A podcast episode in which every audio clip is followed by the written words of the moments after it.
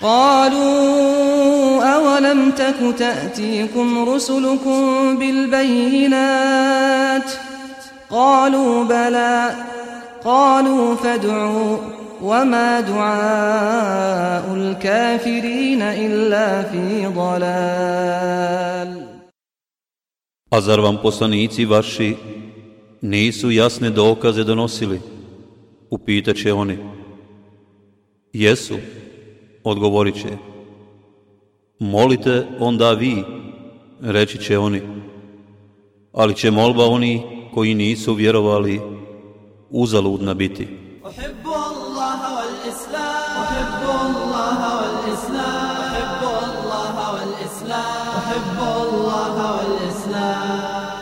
Kazivanje o Allahovim vjerovjesnicima. Kazivanje o Jusufu a.s. Jusuf a.s. je sin Jakuba a.s. i Rahele. Buharija prenosi od Ibn Omera radi Allahu anh da je Allahu poslanik sallallahu rekao Plemeniti je sin plemenitog, sina plemenitog, a i on je sin plemenitog. Jusuf je sin Jakuba, on sin Ishaka, a on sin Ibrahima. Od 12 Jakubovih, alaihisselam, sinova, samo je on bio vjerovjesnik. Kur'ansko kazivanje o Jusufu, alaihisselam, jedno je od najljepših kur'anskih kazivanja. O njemu i onome što se s njim desilo, uzvišeni Allah je objavio jednu cijelu suru. To je sura Jusuf. Sura Jusuf je objavljena u Meki, u godini tuge, godini smrti dvije veoma drage osobe, poslaniku Muhammedu sallallahu alihi wasallam. To su njegov Amidža, Ebu Talib, koji ga je odgajao, pomagao i štitio od Kurejšija. Druga osoba je poslanikova sallallahu alihi wasallam žena Hatidža radijallahu anha. Zbog smrti te dvije veoma drage osobe, Našem poslaniku, salallahu alihi wasallam, tuga obuze srce. Uzvišeni Allah mu objavi suru Jusuf, kojom ga pouči da nakon poteškoće dolazi olakšanje. Uzvišeni Allah kaže U ime Allaha, sve milosnog, milostivog. Elif, Lam, Ra. Ovo su ajeti jasne knjige Objavljujemo je kao Kur'an na arapskom jeziku, da biste razumjeli. Objavljujući ti ovaj Kur'an, mi tebi o najljepšim događajima kazujemo, a prije njega nisi doista ništa znao. Jusuf je još kao dječak sanjao da mu 11 zvijezda, sunce i mjesec padaju na seđdu, pa se uplašio. Kada se probudio, ispričao je san svome ocu. Otac mu Jakub a.s. nije poznavao tumačenje snova, ali je naslutio da bi sin Jusuf mogao postići visok položaj i mjesto na ovome i na budućem svijetu. Zato mu je naredio da prešuti svoj san i da ga ne priča svojoj braći, jer bi mu oni mogli pozavidjeti, poželjeti da mu se desi kakvo zlo i namjestiti mu razne spletke i varke. Uzvišeni Allah kaže – on mu reče, Sinko, ne pričaj svoj san braći, da ti ne bi učinili kakvu pakost. Šeitan je zaista čovjeku otvoreni neprijatelj. Tvoj gospoda će tebe tako odabrati, podučit tumačenju snova i svoju blagodat tebi i Jakobovoj porodici upotpuniti, kao što ju je upotpunio još prije tvojim precima Ibrahimu i Ishaku. Zaista je tvoj gospodar znan i mudar. U Jusufu i njegovoj braći je pouka za one koji pitaju, kada oni rekoše, Jusuf i njegov brat draži su našem ocu od svih nas, a mi smo čitava skupina. Doista je naš otac u očitoj zabludi. Ubijte Jusufa ili ga u kakav predio ostavite, pa će se vaš otac vama okrenuti i poslije toga ćete biti dobri ljudi. Jakub selam, je više volio Jusufa i Benjamina od ostalih sinova, jer su njih dvojica sinovi od Rahele, mlađe i ljepše žene, koja je dugo bila nerotkinja. Jusufa je posebno volio zbog njegove ozbiljnosti, oštroumnosti i dostojanstva od malehna. Dozvoljeno je da čovjek neku svoju djecu voli više od druge, ali to ne smije ispoljavati na očigled ostale djece.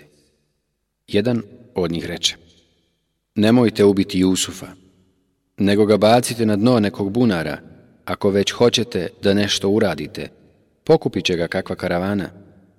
Složivši se oko toga, oni rekoše, Oče naš, zašto sumnjaš u naša osjećanja prema Jusufu? Mi mu zaista želimo dobro.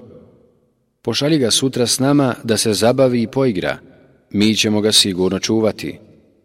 On reče, zaista će mi biti žao ako ga odvedete, a bojim se da ga vuk ne pojede kada vi na njega ne budete pazili. Kako će ga pojesti vuk, rekoše oni, kada smo mi družina, zaista bismo tada bili gubitnici. Molili su svoga oca da pusti Jusufa s njima, ubjeđivali ga i dosađivali mu sve dok im nije udovoljio. Uzvišeni Allah kaže I kada ga odvedoše i odlučiše da ga bace na dno bunara, mi mu objavismo Ti ćeš ih sigurno ovom njihovom postupku obavijestiti, a oni te neće prepoznati. Nakon što su ga bacili u bunar, uzeli su jedno bravče, zaklali ga i krvu poprskali njegovu košulju, i navečer, plaćući se vratili svome ocu. Namjerno su okasnili kako bi im varka lakše uspjela. Uzvišeni Allah kaže.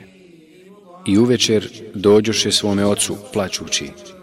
Rekoše, o oče naš, mi smo bili otišli da se trkamo, a Jusufa smo ostavili kod naših stvari, pa ga je pojao vuk. A ti nama nećeš vjerovati, iako istinu govorimo i donesoše njegovu košulju lažnom krvlju natopljenu. Zbog Jusufovog sna, kojeg mu je ispričao, zbog znakova sumnje na licima njegovih sinova, zbog toga što je košulja bila nepocijepana i zbog njihovog neprijateljstva i zavidnosti prema Jusufu, Jakub a.s., je znao da mu lažu.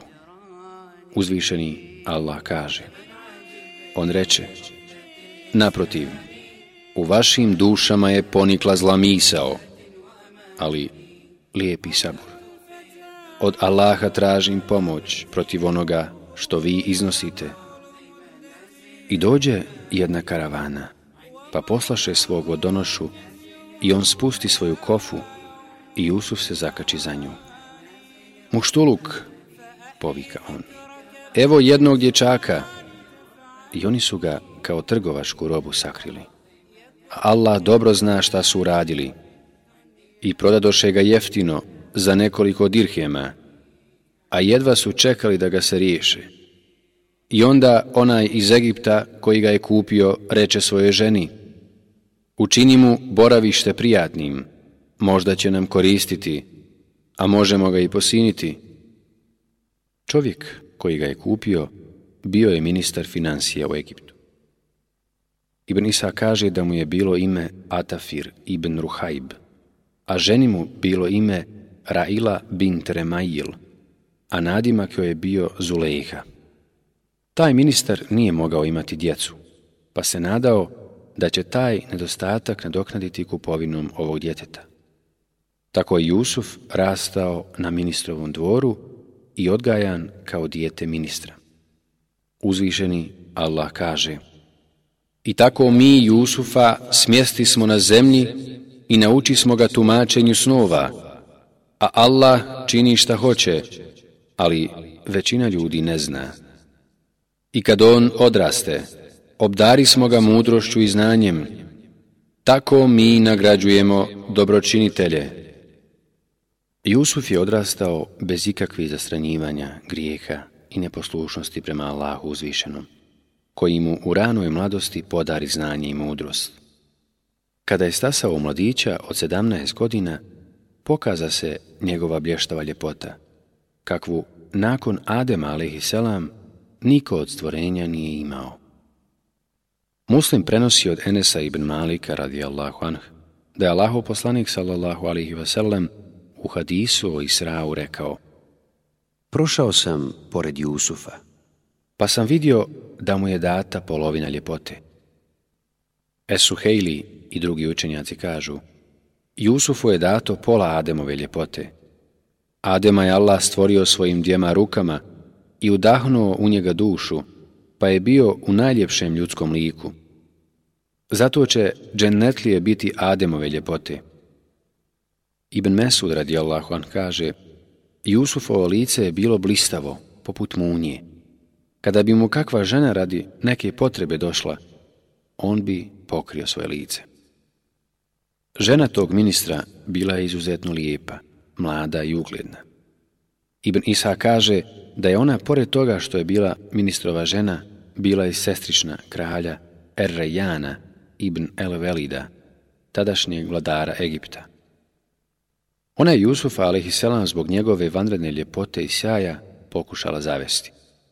Uljepšala se, obukla najljepšu i najskupocijeniju odjeću, i za sebe i njega pozručavala više vrata, te ga u neodoljivoj želji za njim pozvala i ponudila mu se. Međutim, on je bio vjerovjesnik. Iz loze vjerovjesnika. Pa ga je njegov gospodar sačuvao od razvrata i lukavstva žene. Buharije je muslim prenosio od Ebu Hureyri radijallahu anh da je poslanik sallallahu alihi wasallam rekao – Sedmoricu će Allah staviti u svoj hlad, onog dana kada ne bude drugog hlada osim njegovog, pravednog vladara, čovjeka koji u samoći, sjetivši se Allaha, zaplače. Čovjeka čije je srce vezano za džamiju. Dvojicu koji su se zavoljeli u ime Allaha, pa se radi njega sastaju i rastaju. Čovjeka koji dadne sadaku, pa to sakrije, tako da mu ni ljevica ne zna šta mu je dala desnica. Mladića koji odraste u pobožnosti prema Allahu i čovjeka kojeg zovne lijepa i ugledna žena, pa on kaže Ne, ja se bojim Allaha. Uzvišeni Allah kaže I htjede da ga zavede ona u čijoj je kući bio, pa zaključa sva vrata, i reče, hodi. On reče, Bože sačuvaj. Moj vlasnik me lijepo pazi. Nasilnici zaista nikada neće uspjeti. Ona ga je poželjela, a i on bi nju poželio da nije vidio znak od gospodara svoga. Tako je bilo, da bismo od njega otklonili zlo i razvrat, jer je on u istinu bio naš iskren rob. Što se tiče jasnog znaka koji je vidio, postoje različita mišljenja. Ispravno je to uzeti općenito, kao što je i uzvišeni Allah to ostavio općenitim, bez svođenja na jedan određeni znak ili dokaz. U ajetu koji prethodi govoru o zavođenju ove žene, Jusuf a.s. uzvišeni Allah kaže I kad on stasa, mi ga mudrošću i znanjem obdarismo, tako mi nagrađujemo one koji dobra djela čine. Iz toga se može shvatiti da je Jusuf a.s. postao vjerovjesnik prije nego ga je ona pokušala zavesti i da je taj znak u stvari njegova spoznaja da je vjerovjesnik, da je potomak vjerovjesnika i da ga Allah uzvišeni vidi u svim situacijama. Zato joj je odmah i bez kolebanja odgovorio, sačuvaj Bože. Njegovo uvjerenje u stepenu sana, iskazivanja odanosti Allahu uzvišenom, kao da ga očima vidi, nije dalo prostora da i poželi. On je bio smiren i uvjeren da ga Allah uzvišeni vidi i zna njegove tajne i tihe šapate. I potrča prema vratima, bježeći od nje, ali ga ona sustiže i uhvati za košulju sleđa, te ih iznenadi dolazak njenog muža. Uzvišeni Allah kaže I njih dvoje potrčaše prema vratima, a ona razdera straga njegovu košulju i zatekoše njenog muža pored vrata. Kakva je kazna onom koje je htio tvojoj ženi zlo učiniti, osim da bude zatvoren ili bolna kazna? Reče ona. Jusuf reče. Ona je mene pokušala zavesti. I jedan njen rođak posjedoči. Ako mu je košulja razderana sprijeda, onda ona istinu govori, a on laže. A ako mu je košulja razderana straga, onda ona laže, a on istinu govori. I kad vidje da je njegova košulja razderana straga, on reče, to je uistinu jedno od vaših ženskih lukavstava, a vaša lukavstva su zaista velika. Ti, Jusufe, ostavi se toga i nemoj o ovome nikom govoriti, a ti traži oprosta za grijeh svoj, jer si zaista pogriješila.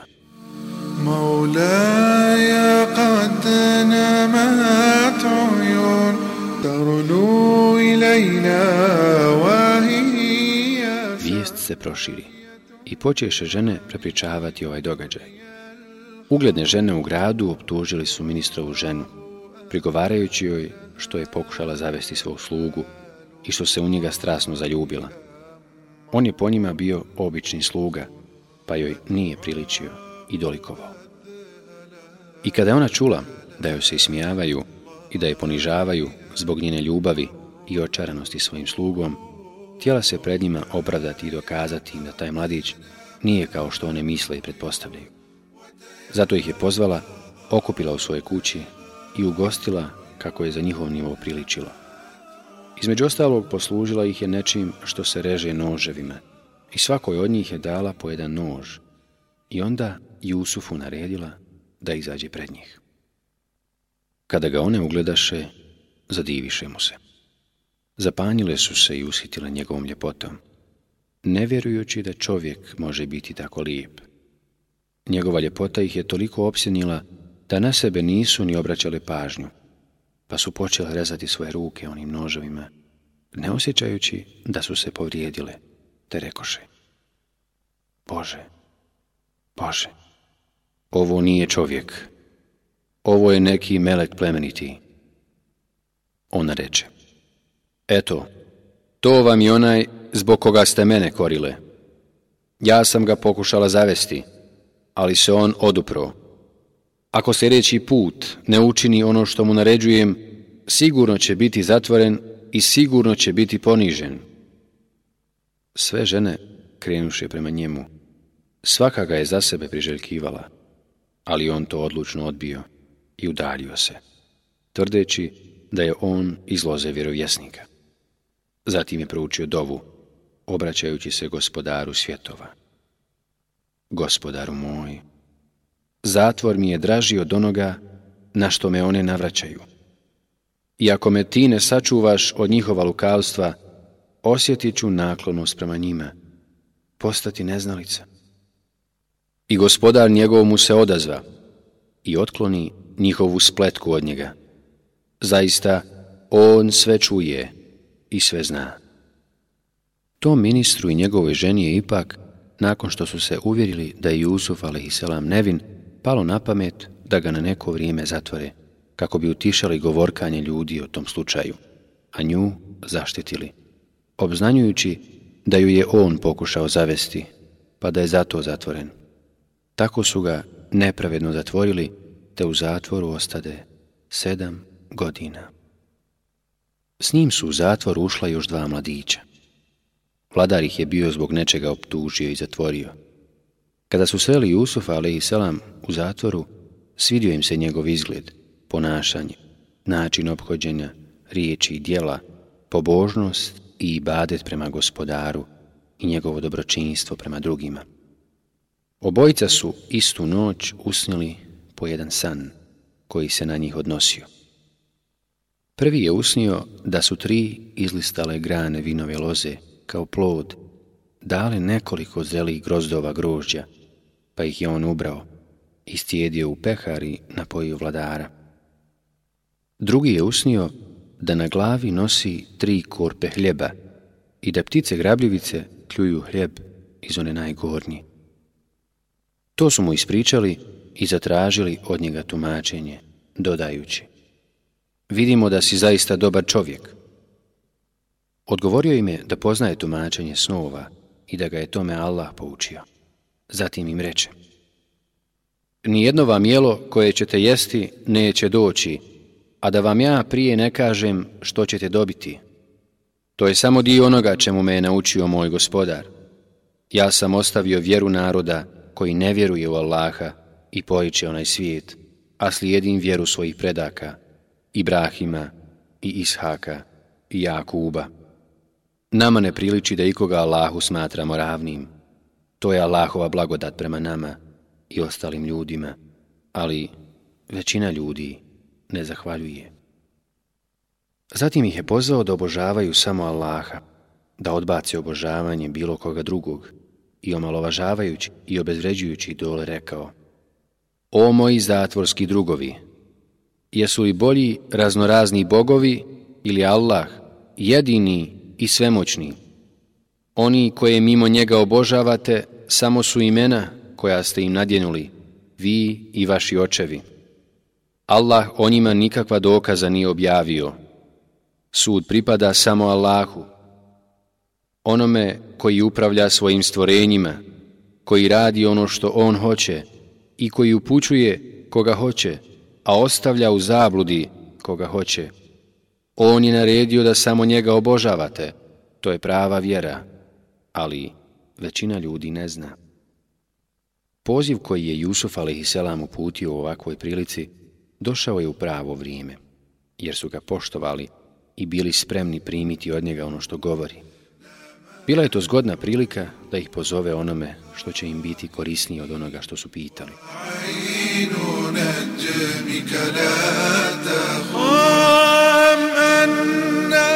Zatim je rekao o moji zatvorski drugovi, jedan od vas će svoga vlasnika vinom pojiti, a drugi će biti raspet, pa će mu ptice kljuvati glavu. Već je određeno ono o čemu vi pitate.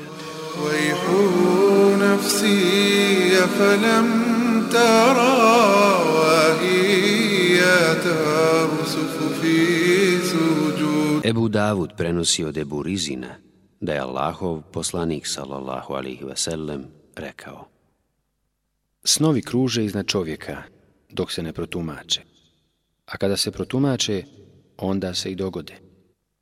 Uzvišeni Allah kaže A onome od njih dvojice za kojeg je znao da će biti spašen, reče Spomeni ime svome vladaru, ali šeitan učini da on to zaboravi spomenuti svome vladaru, pa on ostade u tamnici nekoliko godina. Nakon sedam godina od Jusufovog alihiselam ulaska u zatvor, tadašnji vladar Egipta usnio je čudan san. On reče, sanjao sam kako sedam mršavih krava pojede sedam debelih i sanjao sam sedam zelenih i sedam suhih klasova. O velikaši!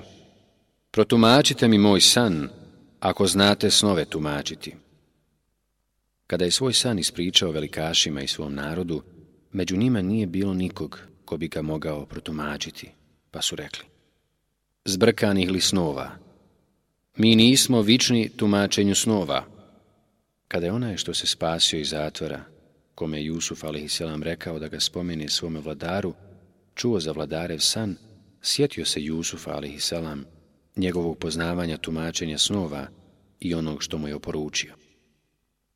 Uzvišeni Allah kaže I onaj od njih dvojice koji se spasio, prisjeti se nakon toliko vremena i reče Ja ću vam ga protumačiti, samo me pošaljite.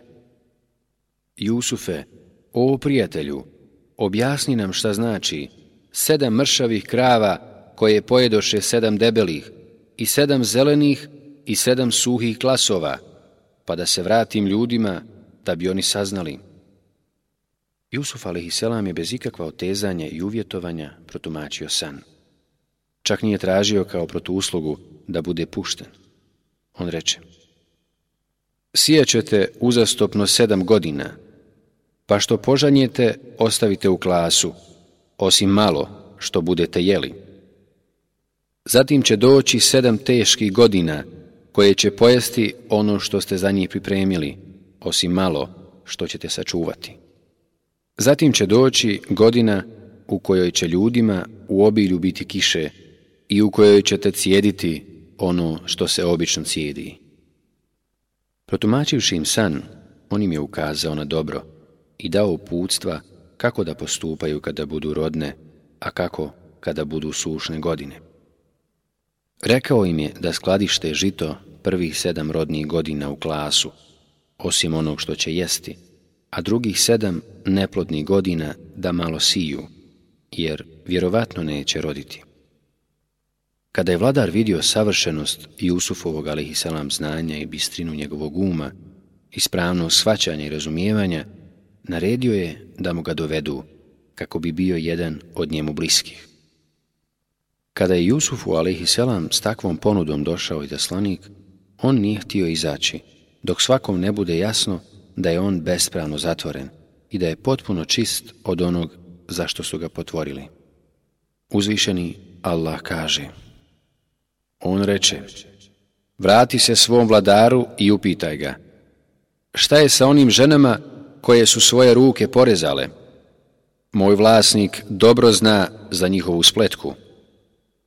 Izaslanik prenese Jusufu alihiselam poruku, te se vladar poče interesirati za Jusufov alihiselam slučaj, kao i zašto je taj čovjek u zatvoru.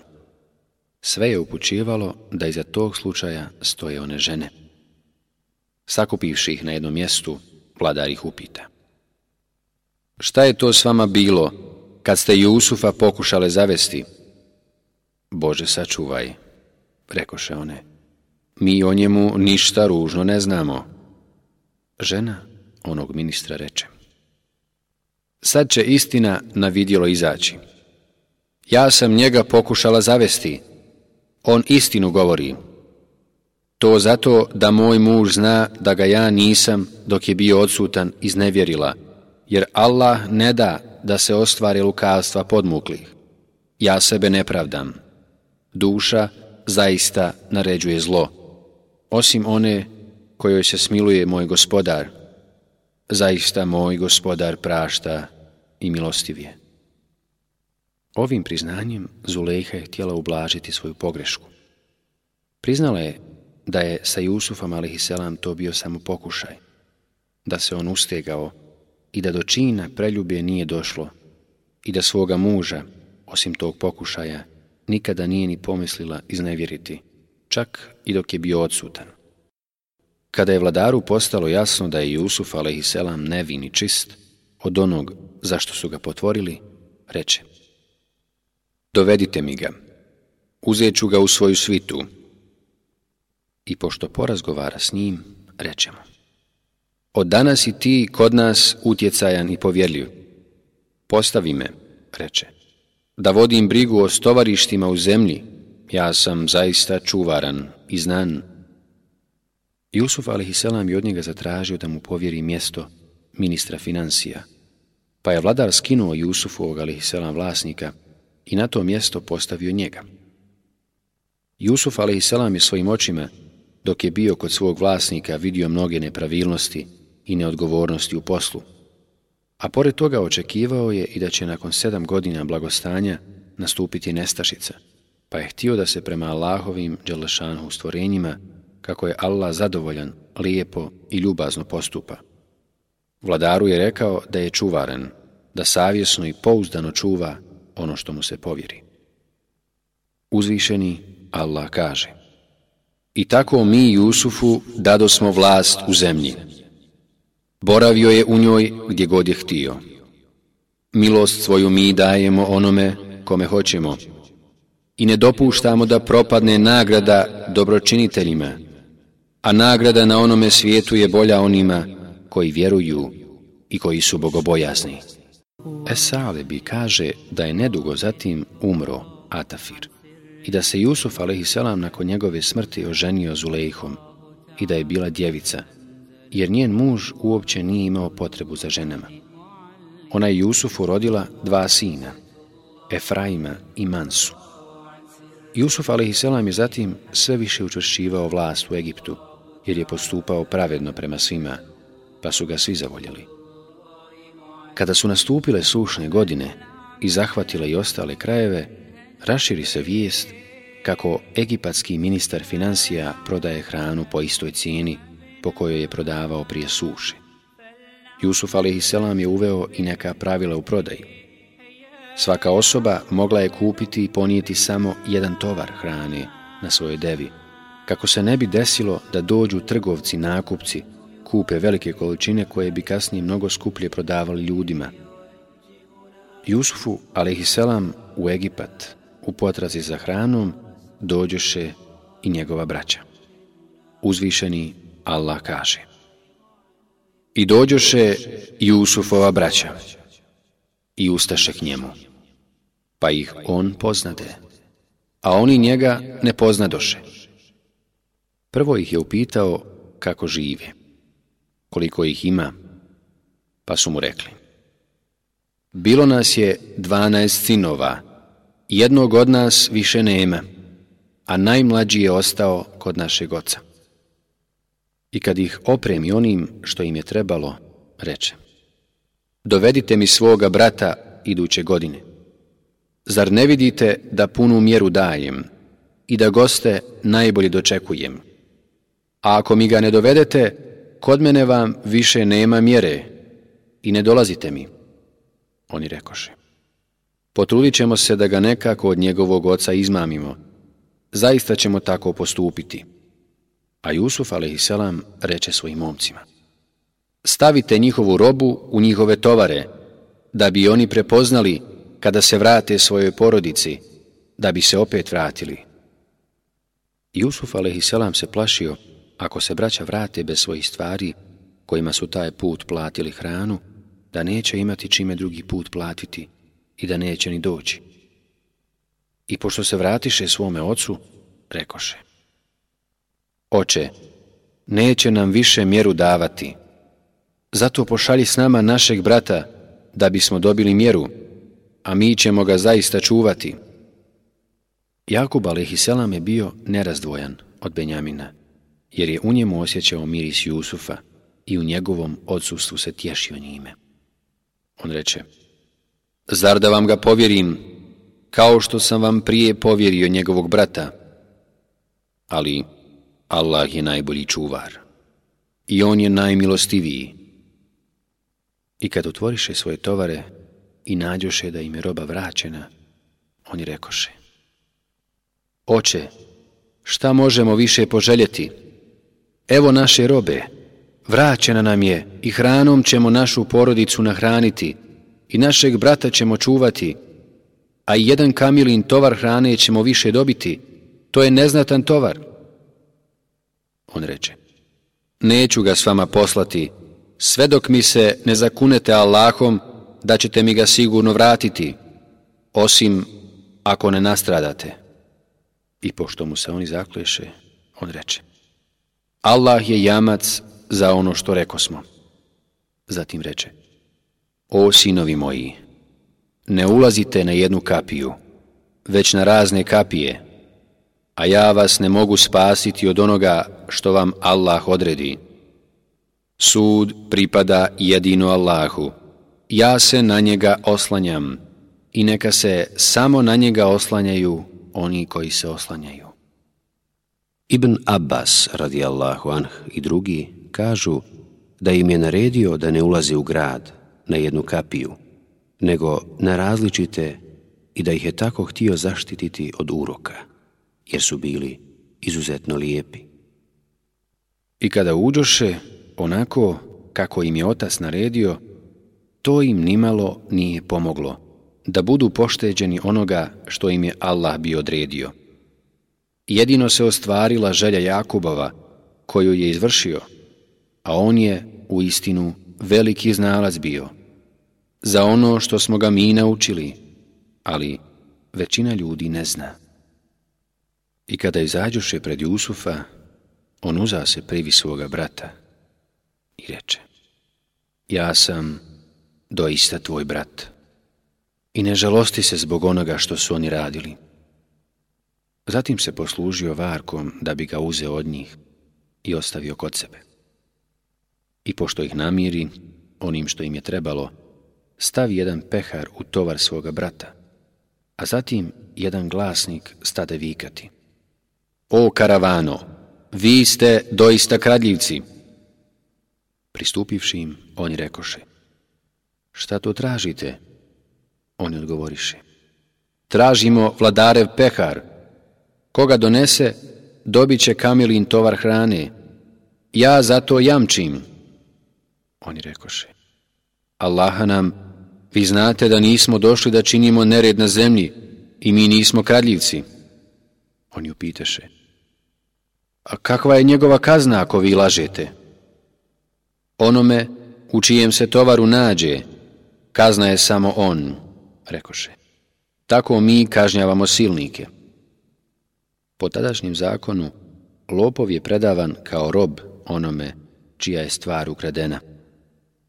Da bi optužba bila uvjerljivija i varka uspješnija, on poče s njihovim vrećama, prije vreće svog brata, a onda izvadi pehar iz vreće svoga brata. Tako je Allah uzvišeni poučio Jusufa da izvede varku. Kada su svojim očima vidjeli da je pehar izvađen iz Benjaminovog tovara, rekli su Ako je on ukrao, pa i prije je njegov brat krao. Time su mislili na Jusufa a.s. Jedni kažu da je on nekada ukrao ki po djeda, po majici i razbio ga. A drugi kažu da je znao uzimati hranu iz kuće i hraniti siromahe Oko toga postoje i drugačija mišljenja. Oni rekoše, O upravniče, on ima vrlo stara oca, pa uzmi jednog od nas umjesto njega. Mi vidimo da si ti dobročinitelj. Bože sačuvaj, reče on, da uzmimo ikog drugog do onoga kod koga smo našli našu stvar. Tada bismo zaista bili nepravedni. Kada izgubiše svaku nadu, izdvojiše se u stranu da se posavjetuju. Najstariji od njih, Rubil, reče Zar ne znate da ste se svom ocu Allahom zakleli, a i prije ste Jusufa upropastili? Ja neću napustiti ovu zemlju dok mi to moj otac ne dozvoli ili dok mi Allah ne presudi, a on je najbolji sudija. Vratite se ocu svome i recite, o oče naš, tvoj sin je ukrao, mi svjedočimo samo ono što znamo, a što je neviđeno, mi ne znamo. To što smo ti ispričali da su nam uzeli brata, zato što je ukrao, stvar je poznata u cijelom Egiptu, a to zna i karavana koja je bila tamo. Pa upitaj stanovnike grada u kome smo bili i karavanu s kojom smo došli. Mi zaista govorimo istinu. Jakub reče. Nije tako. U vašim dušama je ponikla zla misao. Lijepa strpljivost. On nije krao. On nije ukrao. Pomislio je. Možda će mi ih Allah sve vratiti. On sve zna i mudar je. I okrenu se od njih i reče. O Jusufe, tugo moja. A oči su mu bile pobijelile od žalosti i bio je potište. Oni rekoše, Allaha nam, ti toliko pominješ Jusufa da ćeš teško oboljeti ili umrijeti. Ja svoju tugu i žalost pred Allaha iznosim. A od Allaha znam ono što vi ne znate, reče on.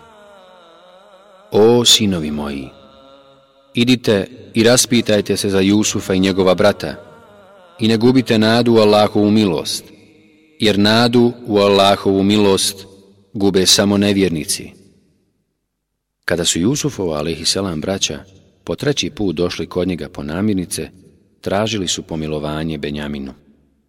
I kada oni izađuše pred Jusufa, rekoše O upravniče, nas i našu porodicu pritisla je nevolja. Donijeli smo malo vrijedne robe, ali nam ti podaj punu mjeru i udjeli nam sadaku, jer Allah nagrađuje one koji udjeljuju sadaku. Kada je vidio u kakvom su stanju i da nemaju do ono malo mizirne robe koju su donijeli, predstavio im se. Nije mogao da ih gleda kako prose i moljakaju. On upita. Znate li šta ste sa Jusufom i njegovim bratom nepromišljeno uradili? A da ti nisi u istinu Jusuf, upitaše oni. Ja sam Jusuf, a ovo je moj brat, reče on. Allah nam je milost darovao. Ko se Allaha boji i bude strpljiv, pa Allah u istinu neće dopustiti da propadne nagrada dobročiniteljima. Allaha nam, rekoše oni, Allah te nad nama uzvisio, a mi smo zaista bili griješnici. Neću vas danas koriti, reče. Allah će vam oprostiti. Od milostivih On je najmilostiviji. Odnesite ovu moju košulju, i bacite je na lice moga oca, on će progledati. I dovedite mi svu svoju porodicu. To je bio nadprirodni događaj i dokaz Jusufova, ale poslanstva. Zatim im je Jusuf, ale naredio da se sa cijelom porodicom dosele u Egipat, gdje će okupljani na jednom mjestu ljepše i bolje živjeti. Uzvišeni Allah kaže I kada karavana napusti Egipat, njihov otac reče Ja zaista osjećam Jusufo miris. Samo ne recite da sam pomatuhio. Abdurezak navodi da je Ibn Abbas radijallahu an rekao. Kada je karavana napustila Egipat, puhnuo je vjetar i Jakubu donio miris Jusufove košulje, pa je rekao, ja zaista osjećam Jusufov miris. Tako je Jakub osjetio njegov miris na udaljenosti od tri dana hoda. Oni rekoše, Allaha nam još si u svojoj staroj zabludi, a kada glasonoša s radosnom vijesti dođe, on stavi košulju na njegovo lice i on progleda. On reče, Zar vam nisam rekao da ja znam od Allaha ono što vi ne znate. Oni rekoše, o oče naš, zamoli da nam se oproste grijesi. Mi smo zaista zgriješili. Zamolit ću svoga gospodara da vam oprosti, reče on, jer on prašta i milostiv je. I kada izađoše pred Jusufa, on uza se privi svoje roditelje i reče Uđite u Egipat, ako Bog da sigurni. I on postavi svoje roditelje na prijesto. A zatim njegovi roditelji siđoše sa prijestolja. Te svi zajedno roditelji mu i jedanaest braće iz poštovanja i počasti prema Jusufu, ali i selam, seđdu učiniše. U njihovo doba činjenje sežde iz počasti je bilo dozvoljeno, ali je u šerijatu Muhammeda sallallahu ve wasallam to strogo zabranjeno. Jusuf alihi salam tada reče O oče moj, ovo je tumačenje mog nekadašnjeg sna. Moj gospodar je dao da se ispuni.